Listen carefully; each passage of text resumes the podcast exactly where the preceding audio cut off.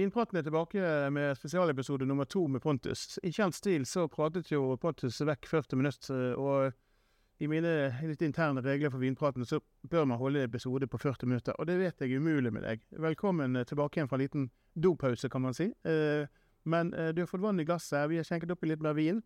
Men nå, Pontus, skal du fortelle meg om hvorfor du skal gjøre livet for meg stor igjen. Altså, du skal gjøre det great again. Og det, Ja, som, som å ta Liebeformich-historien, det er jo essensen av 80-tallet og halvtørre og forferdelige viner.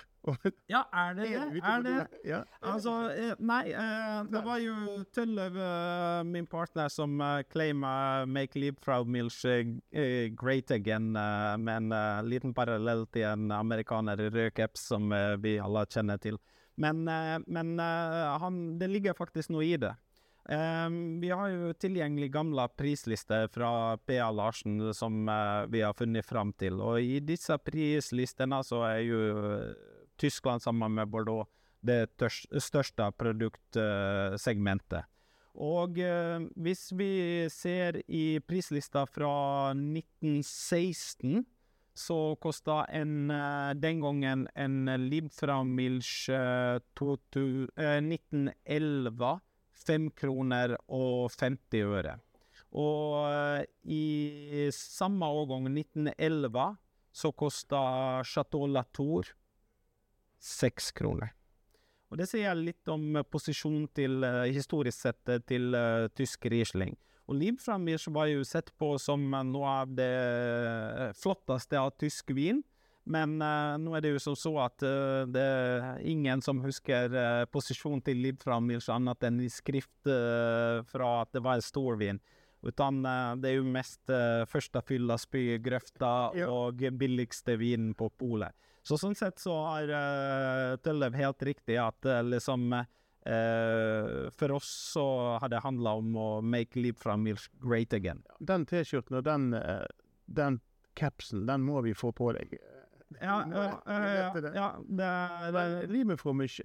Hva, hva, had, hva var det man fant da, når, når jeg ser disse etikettene? Altså, du har jo disse her eh, Reiler und Heisenstein, og Det- har eh, disse, disse Hva heter de for noe? Madonna, Madonna, ok. Luna Ja. og Så, så de på en måte Du kan ikke sammenligne med det. Nei, det håper jeg virkelig Det håper jeg virkelig at ingen gjør. Og prismessig så, så kan vi også si at eh, du får vel en bag-in-box av disse vinene for samme pris eh, som vårt liv fra Ja. Milch. Så nei, eh, tanken så var jo da eh, Jeg har alltid vært glad i tyske rieslinger eh, med litt grann restsukker, altså litt fine herb, eh, kabinetter, QBA, eh, sånne ting som det der. Spesielt til, til mat og til de asiatiske kjøkkenene. Men også eh, for å lagre litt. Grann. Jeg syns de blir utrolig lekre med noen år på, på nakken. Så eh, jeg skal være helt ærlig og si at jeg vet jo åssen jeg kommer å bruke denne vinen sjøl. Altså det å sitte hjemme og, og spise til, da, men jeg skal jo ha noen flasker til blindsmaking, ikke sant? Ja. Og bare litt provokativt bare sånn Ja, hva har vi her, da? Ja, nei, det er en liv fra Milsja. Ja. Så, så eh, det er et todelt prosjekt, denne lanseringa i, i dag den 6. mars. Og eh, Liebfraumilchen her så kommer da hovedsakelig ut av uh, Riesling-druen, som faller eh, helt naturlig. Eh, historisk sett så var det jo ikke Riesling som var ryggraden, utan eh, det var jo alt hva du kunne skrape sammen. Regelen het vel at det måtte være minimum 80% av de edle druene, men det var jo eh, Semling 88 og Villa Turga og det ene og det andre. Jeg, jeg husker ikke eksakt lovverket der, så jeg skal ikke si.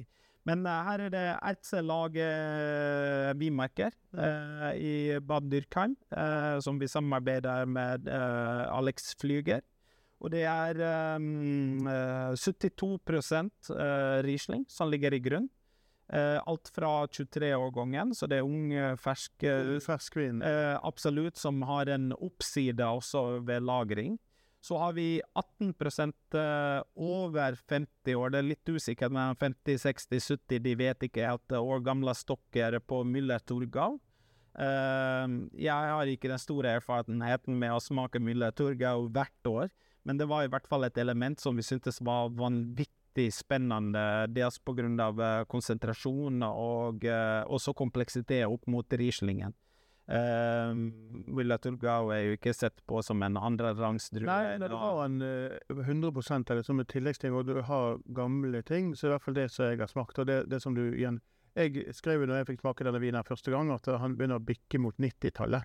Eh, med litt sånn gå, Er det den veien han går? sant? Mm. Eh, eh, han kan godt hende han bikker over, men han er fremdeles ung. Men han, han koster jo rundt 350 kroner. 350 sharp, ja. 49,90. ja, og kommer i et et begrenset volum denne gangen her. Ja, altså det er jo begrensa. som ball skal du gjøre med ekstremt mye liv framme? Så vi har gjort det som et uh, lite morsomt prosjekt eh, på 2500 flasker. Så får vi se åssen det blir eh, mottatt. Eh, jeg, jeg mener jo egentlig at uh, liv fra Milch, det som står på etiketten er sekundært, men vi holder jo oss innenfor reglene. Så her er det 18 gram uh, sukker. Uh, rest Som er det, det er Altså, min smaksvin, jeg, syns den er veldig balansert. Altså, det er ikke du snakker Ja, den avslutta tørt. Ja, den avslutta tørt. Sånn at dette her er bare superkonstruert. Ja. Veldig bra syre. Og et- et to, tre, fire lag med konsentrasjon der som kommer. Og du merker det er en ung vin. Veldig lang ettersmak. Eh, nå har jeg smakt den i to-tre forskjellige typer glass. Jeg syns det var go veldig godt i burgundglass. Ja. Virkelig.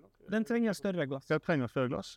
Um, men eh, det som er kanskje det, og Også det er 11% alkohol. Så det er ikke sånn der, sånn der eh, Det er en lettdrikkelig, eh, god konsentrasjonsvin. Det, men jeg tror, som du sier, kanskje det, dette her er et sånn type lagringsprosjekt du har på lur. Ja, og det- denne, denne, hvis du får tak i noen flasker. Ja. For jeg tror denne kommer til å gå fort ut. Ja, det tror jeg også. Jeg vet ikke om vi noensinne kommer å øke produksjonen, men tanken er i hvert fall at det skal komme hvert år. Du sa jo det til den der, eh, røde burgunderen. Det har gått 220 000 flasker. Så. Jo, jo, vi, men eh, 220 000 flasker Liv fra Milch eh, til eh, 350 kroner, det, det har vi ikke materiale til engang, så det, det kommer aldri å skje. Men eh, jeg glemte å nevne også, eh, vi er faktisk bare på 90% på druemiksen ennå på Riesling og Müller Torgau, så i denne så er det faktisk noe så rart som 10 Chenin Blanc. Chenin Blanc, Chenin Blanc. Så Chenin det er jo helt nytt for meg. ja, altså Jeg vet ikke om så mange tyske produsenter som har det, men uh, storyen er i hvert fall den at uh, Tølløv og Alex i fylla for ti år siden fant ut at Eller Tølløv som mente at Alex burde dyrke uh, Chenin Blanc. Alex som, som Vinmaker. vinmaker. Ja, de har jo kjent hverandre i 10-15 år og, og er gode venner, og sånn sett er det naturlig at vi skulle gjøre dette prosjektet med, eh, med Flyger, eh, med tanke på kommunikasjon, for det er ikke alle tyske vinprodusenter som kanskje har stelt seg så positivt til at eh, nå kommer det to unge eh, eh, Litt nå- eh, Ja, unge, unge lovende, eh, og har lyst til å lage Riesling Hock og fra Det er ikke kanskje det som er trenden akkurat. Nei. Nei, så, så men uh, Tølle uh, overtalte han i hvert fall til å plante det, og disse stokkene er vel nå åtte-ni år gamle, eller noe i den stilen. Eh, og uh, Chenin Blanc syns jeg kanskje da hovedsakelig i Frankrike er eh, pris versus kvalitet den mest interessante druen for tilfellet, Mm. med disse gode uh, Vouvreene og Samurene og Anjoene som har begynt å komme i markedet fra, fra topprodusenter som gir vanvittig value for money. Og Det som er interessant med Chenin Blanc, og som jeg prøver å forklare til liksom en, eh, en kall det folk i eh, gata-gjest eh, på Kolonialen, er at den har liksom eh, munnfølelse til en god chardonnay, samtidig som den har syre og friskhet eh, til, eh, til en Riesling. Så jeg mener at den er, sånn, den er som sønnen til mor som er Riesling og far som er chardonnay, i, i karakter, da. Ja. Så, så, det er litt uvanlig å oppleve, for du, du, greier ikke helt å, å, å sette med en gang. Eh, for, og da er det gøy å ha en blind tenking, eh, for det, «Åh, hvor er vi igjen? Ja. Du, du kjenner det kvalitet, og så vet du ikke det. For det, disse vinene, de, de finner du ikke. Men eh, når, når dere fant ut at denne eh, etiketten og, og forskjellig, og alt som kommer på plass, så er jo dette etiketter som er preget av historien til Per Larsen, sant? Ja. som, eh, som det har satt det er jo sånn rundt 1922-preg ja, altså på designet til Per Larsen. Ja. Hvorfor er det slik når når butikken er eldre? Det er bare noe der har funnet, funnet ut? Nei, det, du må jo sette noen regler for deg sjøl, da. Eh, og ting er at det er jo ikke vanskelig å komme på morsomme, kule ideer og så videre, men eh, morsomme, kule ideer kan fort bli for mye, og du skal overgå hverandre. Så vi har en fantastisk eh, designer eh, som heter eh, Sofie Plato, som jobber i Bjelke og Yang som har vært med eh, på, på alle designprosjektene, eller egentlig styrer designprosjektene til P.A. Larsen hele veien. Og eh, hun uh, har utarbeida en del regler. Da. Det er eksempel alle, alle typesnitt, altså typografien som vi bruker i, i P.A. Larsen, som skal være original før 1920. Uh, så alle, all tekst som ni ser, liksom fontene, så er eldre enn 1920. Og hvis vi gjør en uh, tysk vin, så må det være en tysk font. Hvis det er en fransk vin, så må det være en uh, fransk font, og, og så videre. Eneste unntaket så er vel egentlig uh, på burgunderne, som vi har tegna ut fonten sjøl fra Ikke vi, Sofie har tegna ut fra en skilt som var på nabobygget til Rådhusgata 4 eh, som var på taket, som er original sånn sett, men ja. da lagd i Oslo, for den eksisterte ikke. Så, så, vi har satt masse sånne regler, liksom så at det skal treffe innafor uh, for eh, P.A. Larsen-universet, da. For det bringer oss ganske uh, greit over til neste vin, uh, Riesling Hock. Mm. Da stuper du ned i Rieslingsinnsjøen i Norge. Der, ja, ja. der det liksom er et hav av viner. Ja. Ja. Og eh, mitt førsteinntrykk når jeg eh, fikk denne vinen her, det var at uh, jeg var spent på lanseringen på, på vinene her. Uh, grunnen til at vi sitter her i dag, er at vinene smakte habilt. Liebenform ikke var en artig greie, og jeg syns det er veldig spennende å se, som det gjør med de små eh, lanseringene deres. Men så kommer Riesling Hock, og det som jeg slår meg der, det er at han er Mange Rieslinger er i, i, um, i poengklasse 86, 87, 88, 80 poenger. Eh, noen er sterke 88-poenger, og noen er svake 88-poenger. Men denne her er en sterk 88-poenger, og, grunnen til at jeg syns det Så du sier 89 poeng? Tusen takk. Nei, jeg, jeg kan, kan vippe, men, men da, må du, da, må du, ha et GG-nivå på den. Du må opp der. Ja, det har de jo. Ja, 30 prosent GG. Ja, ja, med den innsjøen av viner det finnes. Men det som er mest fascinerende når det er en sterk 88, og når det er mye, mye smak, det er det at han lanserer seg også til en pris til 185 kroner. Sånn 184,90. Ja, 185 sjøl. Ja, ja. Og det betyr jo eh, at det er, det er, jo en fantastisk god pris for kvaliteten. Eh, historien er bra, men kan man lykkes med en Riesling i et marked der det er så mye forskjellig Riesling? Eller Eh, altså Hele prosjektet så starta med en blindsmaking. Eh, og det er utgangspunktet egentlig til eh, alle prosjektene som vi gjør. Uten å smake blindt, så leser du for mye etikett og farger og produsentnavn. så vi tok vel ti eller tolv av de mest solgte Rieslingene som har listning på polet. Og uh, blandet de sammen og kjørte en blindsmaking på alt som var. Og uh, der var det veldig mye blanda, drops. Uh, min oppfatning var vel egentlig at man kunne snu uh, lista ut ifra solgte liter, og desto lenger ned på lista du kom, desto høyere kvalitet så, så fant du nesten. Og det, det, var, det var, litt sånn spesielt i akkurat den smaken. Uten, uten å kaste noen under, under, bussen, det var min oppfatning av den smakinga. Eh, og så er det egentlig tanken rundt vinen, da. For du må jo finne liksom sånn hvordan eh, Ikke skal du skille det ut, men eh, spørsmålet rundt den smakingen så var jo at er det, er det noen grunn til å lage eh, en tysk Riesling entry level? Eller nå er jo ikke 185 kroner entry level, men uh, det er et uh, volumsegment i hvert fall.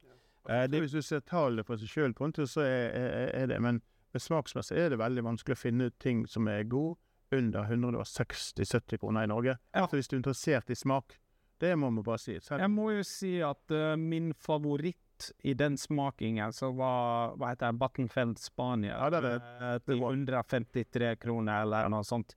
Og den ligger vel som kanskje Norges tiende, ellevte mest solgte Riesling i volum. Uh, som er en helt smashing uh, vin. Og det også skal være en av styrkene eh, til eh, P.A. Larsen, at vi skal ikke ha problemer med å sitte i en podkast og si at de lager fantastisk god vin i, i alle segment. Og eh, det, det vi fant ut da, så var jo altså i eh, kategorien Riesling under kroner X, så er det også tillatt med opptil ni gram sukker per liter. Eh, og min oppfatning var at veldig mange av disse vinene som bygger eh, kropp og fylde med sukker i stedet for kvalitet på, på druer. Eh, hvis du hadde tatt bort og kjørt null gram sukker og kjørt en transparent, ærlig vin, så ville mye opplevd, eh, opplevd eh, som ganske tynn suppe, vil jeg si. Så da kom liksom parameteren veldig tidlig at vi skal lage en tørr Riesling. Uh, ja, tørr Riesling er fortsatt under 9 gram sukker, men denne har under 1 gram sukker per liter. Men så kommer problemstillinga da igjen at uh, OK, oppleves det som litt tynn suppe? Uh, og når vi kjørte ren Riesling, ren årgång, Eh, så, eh, og med kun entry level druer, så vil jeg si at ja, det kom litt grann Eller det opplevdes som litt tynn suppe. Så da tok vi nå en grep. Så dette er uh, Riesling, som 80% er fra 23-årgangen. Så det er purfersk, og 20% fra 22-årgangen. Som har modna litt og bygd litt, litt fylde. Uh, 30% av det materialet er uh, preselect uh, gråsegevekst. Så fra Karlsdatters Saumagen, Michelsberg og Herrenberg.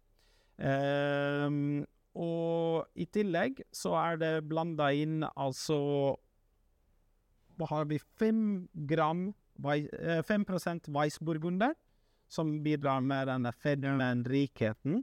Og så en ekstremt interessant, kall det ny drue, uh, som heter Cabernet Blanc.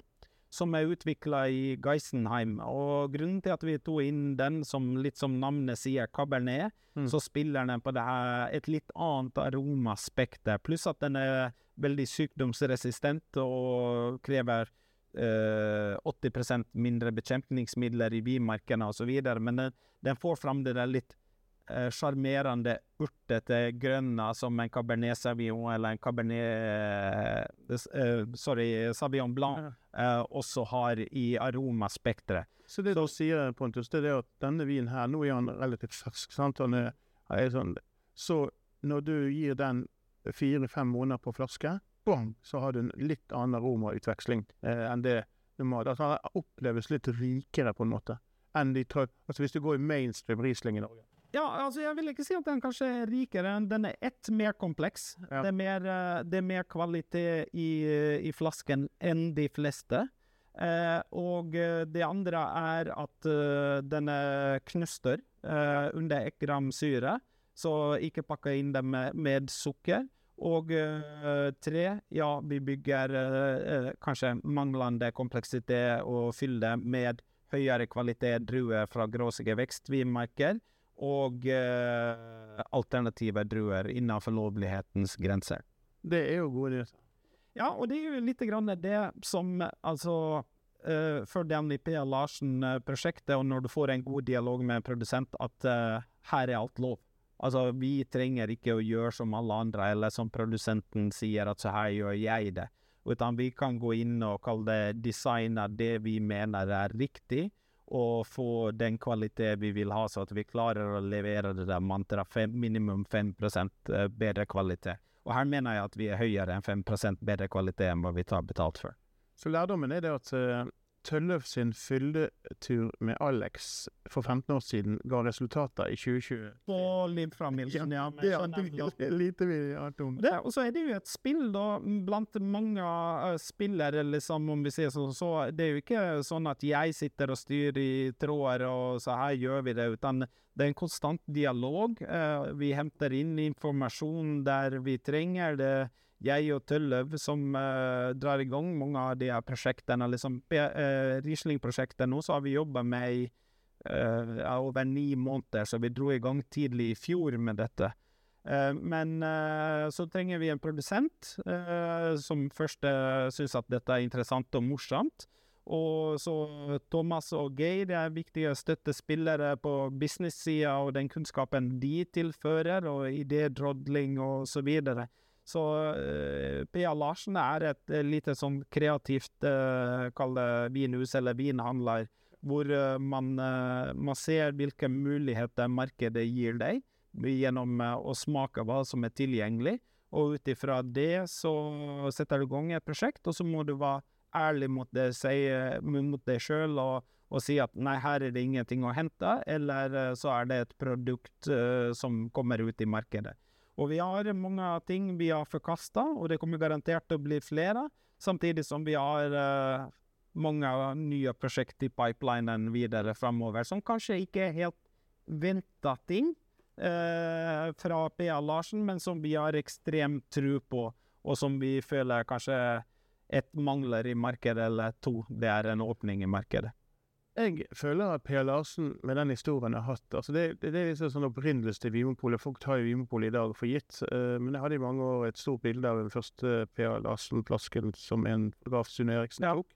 Som er et sånn ikonisk bilde og en artikkel som forteller litt om forhistorien til Vinmonopolet. Mm. En historie som er Han er jo skrevet ned, og sånn, men blir ikke fortalt så mye i, i, i dag, da. Men um, det som er, er det må være en viss form for likhet med det gamle Per Larsen og den nye Per Larsen, det må jo være lekenheten. For det, det jeg eh, til min store Ikke sjokk, men liksom, ja, nå kommer vinmannen uh, Pontus. Uh, han driver Kolonial Bislett. Sammen med, si, kolleger og ting i bransjen mm. tar frem en idé, vokser frem, og får en kjempesuksess med den, basert i første omgang på smak. for det mange viner blir jo lansert, men det er ikke gjenkjøp for dem. Og jeg har tatt ut tallet på gjenkjøp av viner, og den er jo helt ekstrem. Altså, mm. Det er jo Pol som tar 300-400 flasker gjennom gangen på en BU-vare. Ja. Og det er unikt. Da, de, da, går de litt mot strømmen interne regelverk. Det er, det er, nemlig noe som skjer uh, med dette merket, som er veldig bra og interessant.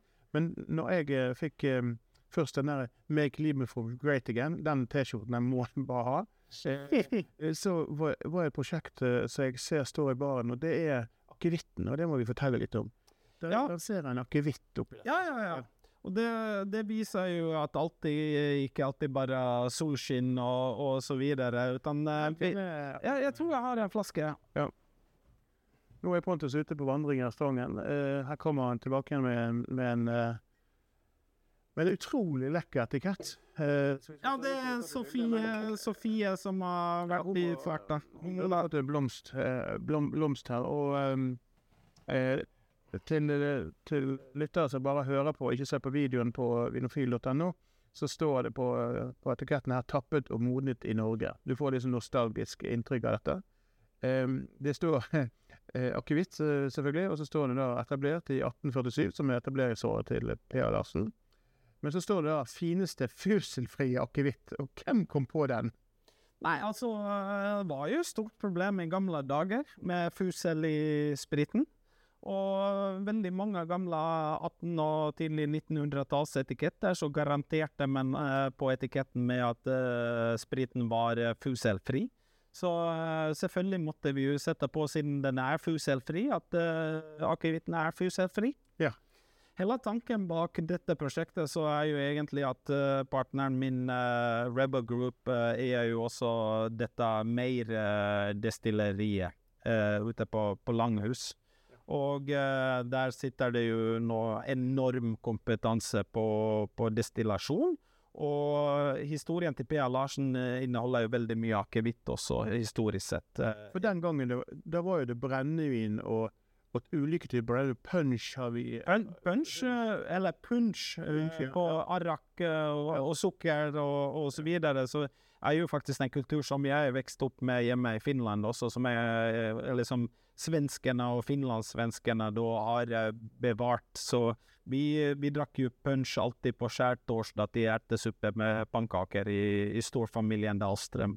Så det, det, er noen ting som vi ikke skal se bort ifra at vi lanserer tolv flasker av en gang i framtida, for jeg har ikke tro på Men uh, Pia Larsen var jo internasjonalt uh, kjent for sin punch, blant annet. Ja. Men det er litt grann sånn Hele tanken rundt det her, det er jo da, jeg vet ikke, 80-90-100 forskjellige akeviter på Vinmonopolet. Og det er langt flere. Ja, det er langt flere. Det er langt flere. Ja. Men, men uh, salget er jo stort sett uh, knyttet seg rundt uh, Anora sine akevitter. Ja. eh, sånn at eh, 90 er én produsent eh, med masse forskjellige brands. Mm. Men så er det en skog av ting. Der, der, eh, men her gjør det også litt sånn annerledes fri, for det skaper jo noe hvitt som er på en måte litt lettere og mer anvendelig til mat. Er Ikke Ja. rett inn til julematen, som vi ofte tenker. Det er Det er en, det er, fortell meg litt om det. Ja, altså Tanken bak denne så var jo selvfølgelig at det skulle være en nokså klassisk akevittstil.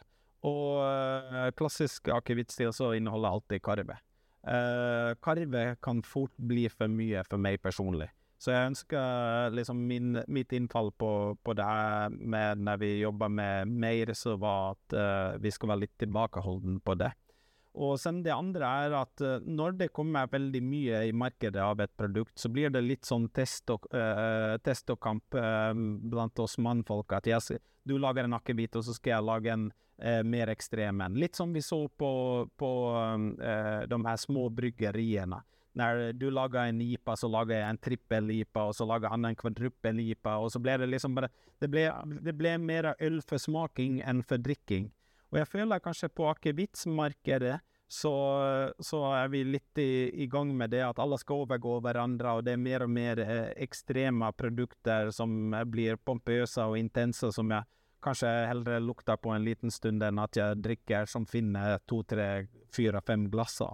Og, og så litt ut ifra det så gikk vi i gang med å smake forskjellige fat som ligger til lagring eh, ute hos meg, og, og uh, fikk Ivan, som er uh, sjefen der ute, til uh, liksom Vi fikk en spekk og en tankegang til han, og så var det igjen å stole på, på flinke fagfolk.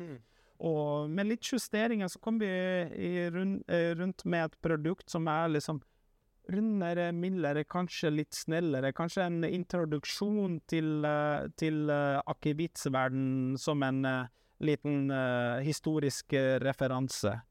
Og så er det jo sånn igjen, eh, det der lilla fanen på en av skuldra mi, så sier jeg jo alltid at at hvorfor skal vi tappe den på akkurat eh, 40% alkohol? For alle har jo 40 eller 38 eller 42, så den er faktisk tappa på 40,1 Ja, så det er bare sånn, akkurat som fineste fuselfri. at Selvfølgelig er den fuselfri, men like selvfølgelig så er det 40,1 Og det er bevisstgjort. Det er ikke sånn at det råker bli 40,1, den skulle være 40. det er i hvert fall en utrolig fin eh, akevitt. Smaker, eh, som du sier, Pontus, eh, litt mildere, litt rundere i kantene. Men det som jeg har brukt den til, det er fortsatt blanding med, med tonic. Ja, ikke sant? Med veldig bra tonic, og at du bruker det som en del av en drikk. Ja. Eh, vi har kanskje historie for å drikke akevitt bare til visse elementer, men akevitt er absolutt å gjøre. Og det, og det er alt, alt trenger ikke å være så svært og pompøst og rikt og stort alltid, utan jeg, jeg syns det der liksom at Personlig så, så drikker jeg I Norge så er det jo akevitt november og desember, og så er markedet nesten dødt, foruten noen uh, store toppselgere som alltid har vært der. Men uh, for meg eh, så drikker jeg mer akevitt på sommerhalvåret, Uh, med den uh, historiske, eller tradisjonen med sild og nypotet og så Ja, det videre. er så snaps Ja, ja, ja. ja, ja. Og jeg har ingen problem til tross at det er fatlagra akevitt, så har jeg ingen problem med å bruke denne til, til en sommerakevitt, for den, den er på den snille sida. Jeg kjører den ikke fra fryseren, men jeg kjøler ganske godt ned til en ti grader. Demper alkoholen, så får du fram den frukten og aromaen til sild. Og da vil den ikke overdøve, utan den, den vil være en sånn fantastisk balanse. Spesielt hvis du har litt bruna smør til eh, nypotetene, så er det nøkkelen til kombinasjon. Men du, skal vi gjøre et stort sprang fra norsk akevitt til, eh, til Burgund? Ja. Jeg skal trekke frem uh, Chambertin og Justis uh, Chambertin, så du Ja. Den er kommet nå i en, en ny årgang, eh, og du har smakt den. Jeg har enda ikke smakt den, men Ja, den, er- den øker i markedet ennå. Nei, den er ikke kommet ennå. Men bare for å ta litt historisk eh, blikk på det, så er det slik at at dere har eh, nå eh, blitt eh, tilbudt eh, å la denne komme inn i basislisteføringen. Ja. Vi takka nei første gangen. Og andre gangen. Og andre ganger, kanskje, ja. Men nå har vi takka ja, ettersom uh, vi uh, har bygd opp litt større kred hos uh, Bichot, som er samarbeidspartneren vår. Og de er litt rundere i kantene hva det gjelder volumer og sånn. Så i januar i fjor, når vi lanserte den, så ble vi tilbudt 1200 flasker eller noe sånt. Og etter hvert som det her tok fart, så ble vi tilbudt mer og mer flasker. Så vi har en ca. 1000 uh, flasker igjen uh, som vi tror skal holde fram til uh, mai. Og i mai så tenker vi å lansere 22-årgangen. Så vi har forkasta 2020-årgangen, som jeg syns var litt svær og rik og pompøs. ikke hva jeg er ute etter i en, i en Chevret. Og 2021 så var det faktisk så ille i området at den ble ikke lagd i det hele tatt. Det var jo ekstreme utfordringer i 21-årgangen i Burgen. Og eh, da kommer vi å komme ganske tidlig på markedet med 22-årgangen eh, i mai måned. For her er det at eh, jeg smakte jo tidlig i 2019 da den ble lansert. Mm. Jeg, var, jeg, husker jeg var mektig imponert. Mm. Det var kjempegodt. Og jeg husker jeg la ut noen, eh, noen filmer på Instagram sånn at det her var han. Det var han ble utsolgt med en gang, og plutselig var det noen pol som er litt eh, smarte, bl.a. Skøyen på Skøyenpolet, eh, som kjøper alt de ser med en gang på dette her. Og, og så ser du fremdeles at, eh, da, at vinen kommer tilbake igjen. Dere får tilgang på mer viner. Og nå eh, per dags dato eh, så er jo 2019-årgangen i, i salg. Og det er et røverkjøp av en smak, for jeg har nylig smakt den igjen. Og det, og det er nå den begynner å vise seg. Og, og, det var en opplevelse så, så at, Og jeg må nesten uh, med en gang si det. Unnskyld for den gode Nei, den dårlige poengen over 90 jeg ga. Ja, ja, ja, Denne vinen 2019-årgangen, den forsvarer lett opp i ja, uh, 93 og 94. Uh, hvis, jeg visste at den utviklet seg. Og, og, grunnen til at jeg skal si det på så har jeg satt her med noen, noen gode venner fra motorsykkelmiljøet i BMW.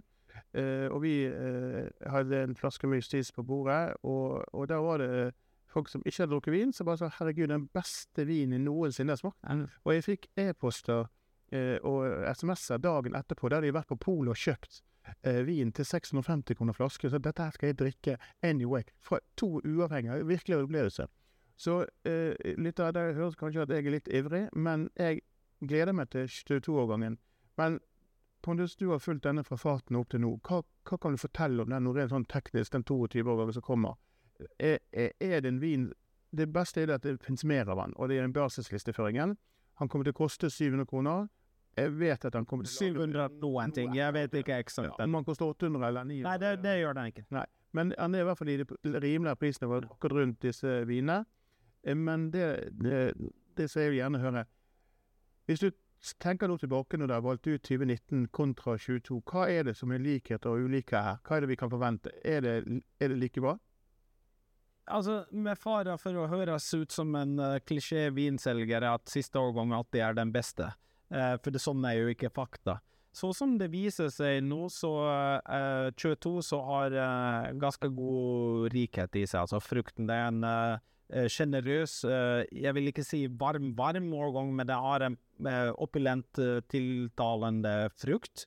Men 22-årgangen har en sånn vanvittig nerve i seg. Altså syren ligger under der. At når det var varmt, så var det varmt, og når det var kaldt, så var det kaldt i årgangen. At det var, det var en sånn schizofren årgang litt grann i vekstperioden. og vinen er nå tappa på flaske. Eh, når jeg smakte den sist, så den er litt grann shaky nå. Eh, og det er positivt at den eh, ikke kanskje viste seg helt opulent nå. Men når jeg smakte den på fat i høst, så var det en sånn opulent, sjarmerende ting. Men det er ikke en opulent, sjarmerende ting som kommer å klappe sammen etter tre til fem år, utan det er en opulent, sjarmerende årgang som kommer å leve på syren og, og lagre veldig, veldig bra. Så nå er hun 19 uh, år eldre, men uh, jeg tror uh, objektivt sett så kommer 22-årgangen å ha et lengre liv i vinkjellere. Uh, det er ikke en årgang som kommer å lukke ned sånn voldsomt at den liksom blir trang og uh, intetsigende i mange år. Den kommer selvfølgelig å gå i faser som mange andre, men det er jo ikke tvil om at 19-årgangen er på vei opp allerede og viser liksom større rikhet og kommer kanskje ut med mer modne aromer. 22 tror jeg at kommer å være ganske åpen og sjenerøs hele veien og var drikkende. samtidig som kommer å kunne lagre veldig lenge. Jeg kommer personlig å kjøpe mer av egen vin i 22-årgang La Justis enn hva jeg gjorde i 19. Og det er jo noen sannhetsord. Ja. Eh, For i kjelleren her på Konar Bislett så har du noen tusen flasker. Du har plassert noen millioner kroner. eh, og jeg eh, Ja, revisoren mener at det ikke er mulig å sette unna så mange millioner i en vinkjeller, så det begynner å bli en del. Ja, og vi sitter på toppen nå. Du, eh, vi nærmer oss eh, episode to av Per Larsen, og eh, i tiden fremover på Vinpraten så skal du komme tilbake. Det er Snakke om, eh, om viner som interesserer deg, og vi skal ta oss en prat innimellom. Så veldig hyggelig time. Tusen takk. Delt i to eh, episoder, men eh, Er du overraska? Nei, nei, nei. nei, nei. Det var mange timer i Pontus, men uh, vi skal møtes igjen, og jeg, jeg gleder meg til å smake 22-årgangen. Men uh, 2019-årgangen uh, skal jeg vise deg SMS-en etterpå. Det er fantastisk. Og vi skal legge den ut på, på sosiale medier også. Den, den meldingen vi fikk fra en, en herre som sa at dette er det beste jeg har smakt noensinne ever. Fantastisk. Kjempehyggelig. Tusen takk. Pontus. Hyggelig. Takk.